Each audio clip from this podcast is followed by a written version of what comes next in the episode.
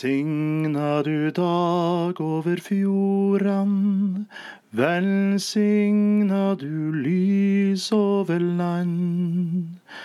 Velsigna de evige ordan om håp og ei utstrekt hand.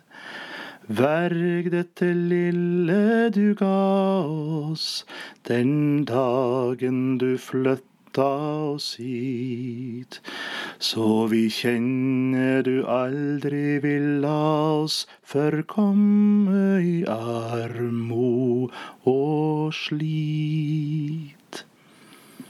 Velkommen tilbake til podkasten Langs kulturveien. Jeg heter fremdeles Kristian Kroslent, og podkasten her er så visst ikke død. Um, men det har gått en stund siden siste episode, dessverre. Det har vært uh, en travel høst. Uh, derfor har det på en måte ikke vært tid til å, til å lage noen nye episoder til, uh, til denne podkasten. Beklager det, altså. Men jeg har planer om å lage en en sesong to med gjester og med en fortsettelse av det som allerede er starta. Eh, derfor er det på sin plass nå, tenkte jeg, å få avslutta denne sesong én, da. Eh, selv om det er lenge siden sist. Og da passer det jo godt nå frem mot jul å kunne gjøre det med en liten julehelsing til dere som har hørt på meg på de foregående episodene. Før jeg eh, ønsker dere ei god jul med en liten sånn musikalsk julegave på slutten her i dag, så uh, tenkte at jeg skulle lese litt fra den siste årboka, den årets årbok som kom ut eh, nå i år, som var jubileumsåret til uh, Kafretta Dudar. Og på side 90 i den så har han Odd Jørgen Nilsen fra Breivika skrevet en historie som heter 'Mer enn bare en krambod'. Og det her er historien om banken i Breivika.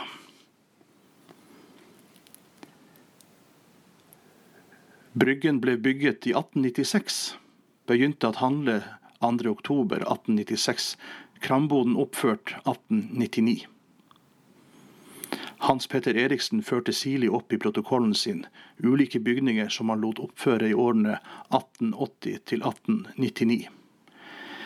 I samme protokoll førte han like sirlig opp sine barn, født i perioden 1878 til 1900. Han kjøpte gården Storåkeren i 1879, og etter 20 års byggevirksomhet ble det satt sluttstrek med byggingen av Kramboden. Han begynte å handle i 1896, da med brygga som midlertidig krambod. Han kunne da titulere seg som handelsmann, i tillegg til gårdbruker og skipper. Kramboden ble oppført i skråningen like ovenfor brygga. På den tida gikk veien fra Breivik til Utvik over Mørnhågen, et godt stykke fra butikklokalet.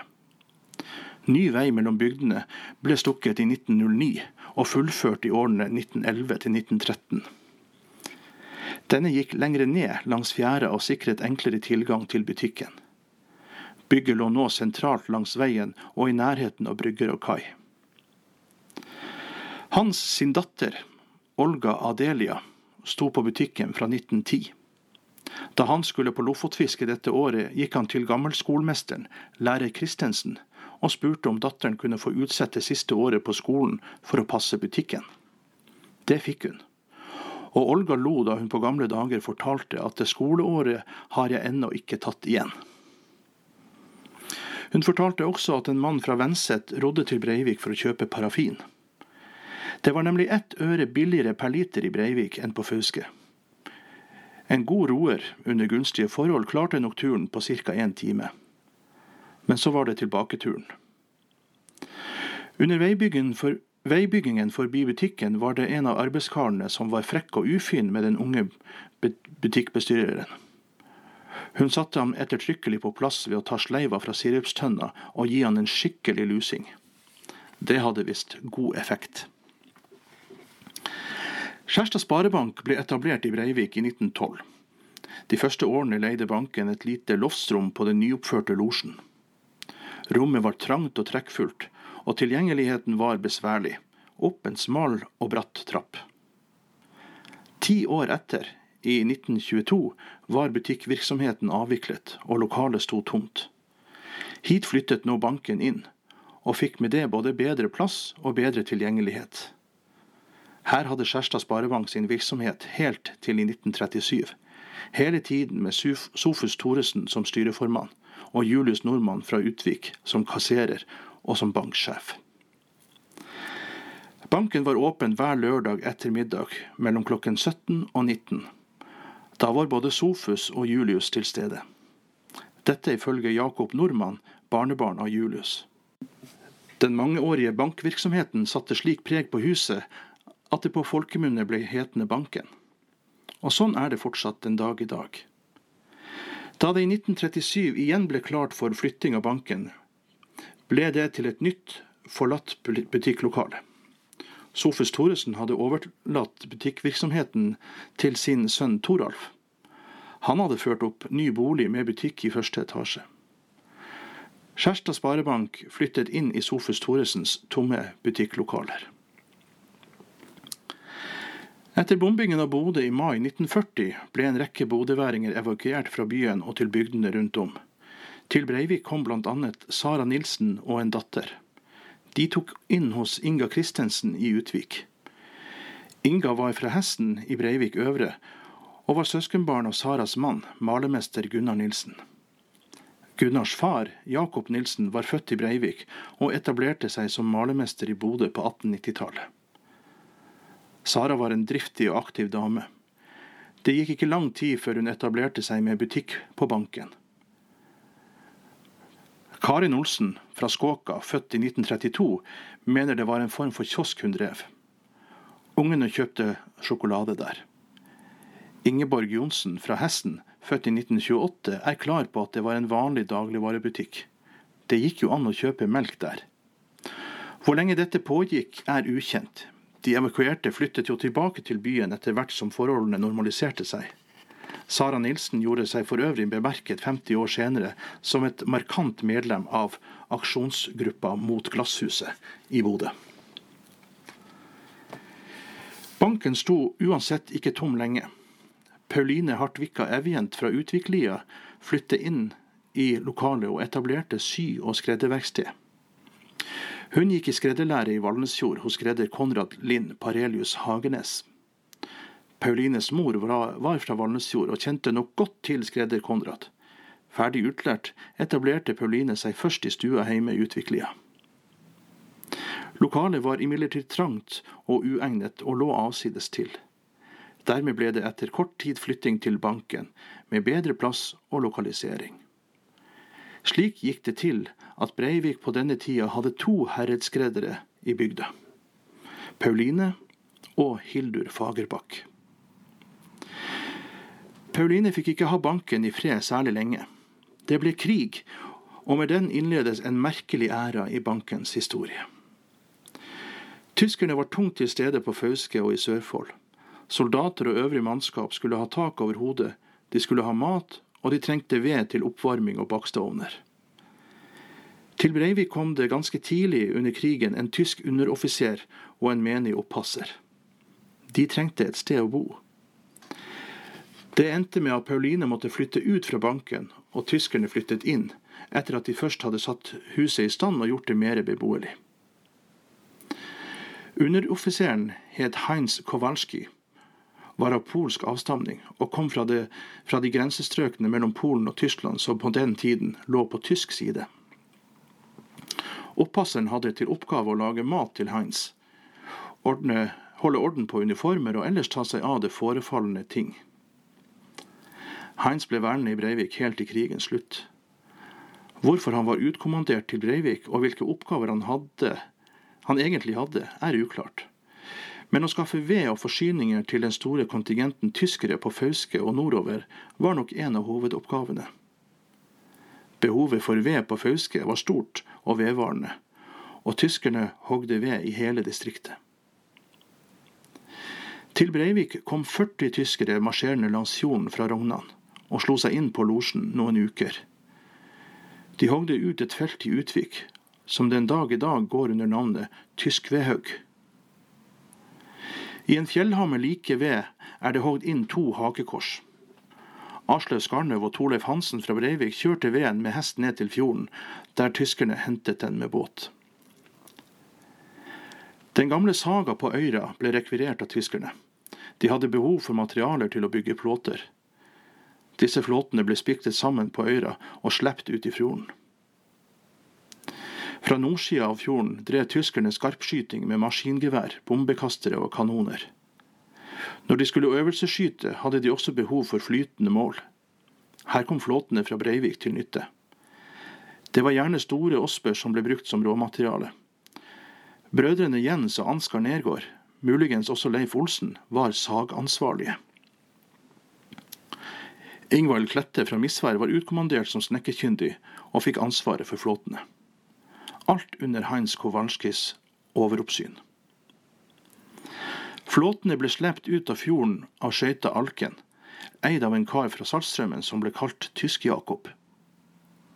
Disse skyteøvelsene ble annonsert i avisene god tid, i god tid på forhånd, sånn at folk holdt seg unna. Harda Pedersen fra Femris i Gildeskål var tjenestejente hos Alf og Selma Johnsen i Hågen. Hun og Heinz ble kjærester, og flyttet etter en tid sammen på banken. Oppasseren måtte da ut, og reiste tilbake til Fauske. Heinz var en omgjengelig og hyggelig fyr og gjorde lite av seg i lokalmiljøet. Ingen merket noe særlig til ham. Han la seg lite eller ingenting opp i hva folk gjorde eller ikke gjorde. Torvald Eriksen dro på jakt med hagla som før, selv om det offisielt ikke var lov å oppbevare våpen. Om søndagene tok Heinz gjerne på seg blådressen og dro på besøk til folk. Hos skomakeren i Førholten Johan Andreassen, var Heinz en flittig og velsett gjest. Muligens var Heinz plassert på sørsida av fjorden av etterretningsformål. Tyskerne var redde for engelske kommandoraid inn i fjorden. Her kommer skyteøvelsene fra nordsida av fjorden inn i bildet. Et par observante øyne i banken rett over fjorden kunne være nyttige i den sammenhengen. Så banken kan ha hatt rolle som en etterretningssentral uten at noen lokalt visste om det. I slutten av 1944 fikk Heinz og Harda en datter. Krigen gikk mot slutten. Heinz ble sendt til Fauske og senere til Rognan i påvente av transport tilbake til Tyskland. Einar Testad kysset Harda og den lille datteren til Rognan for et siste møte med kjæreste og pappa i mai i 1945. Harda og datteren dro tilbake til Breivik, for så å oppleve at norske motstandsfolk jagde dem ut fra hjemmet sitt i banken. Snille naboer sørget for dem, og ga dem tak over hodet. Harda var gravid og fødte en datter i januar i 1946. Harda og jentene ble værende i Breivik til 1947. Begge jentene ble døpt i Skjærstad kirke av pastor Levinsen den 18. mai i 1947. De fikk navnene Lillian og Karin. Pastor Levinsen var fadder for Lillian, mens Gjerløv og Solveig i Mørndalen var faddere for yngstejenta Karin.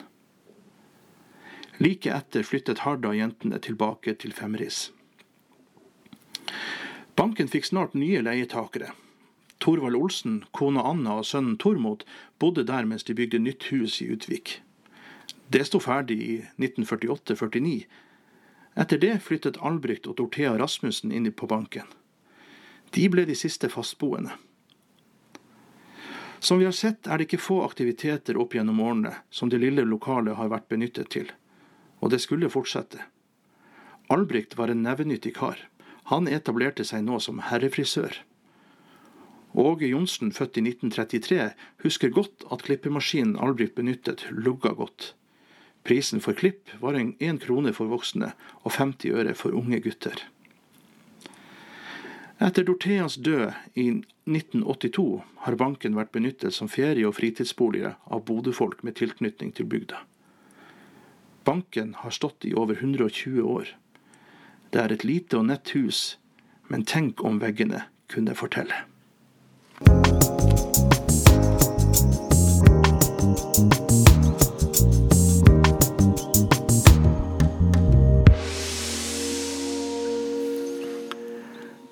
Det har jo vært veldig merkelig å ikke skulle klare å samle mer enn noen få stykker i, i, i lokalene våre rundt omkring til konserter og arrangement. Og vi savner jo at å få spilt og sunget inn jula i år. Det har jo ikke blitt gjort eh, pga. denne hersens koronaen og covid-19. Det varte lenger enn hva jeg trodde det skulle gjøre, og det ser ut som det varer en stund til. Eh, men vi får gjøre det beste ut av det. Eh, for noen år siden så var jeg med på en eh, juleturné. Og fra den så ble det gjort et opptak av eh, en veldig, veldig kjent og kjær julesang. Og med den så har jeg lyst til å ønske dere alle en riktig god jul og et skikkelig godt nytt 2021. Så håper vi at vi kan samles i store hopetall i løpet av året som kommer. Her kommer Mitt hjerte alltid vanker.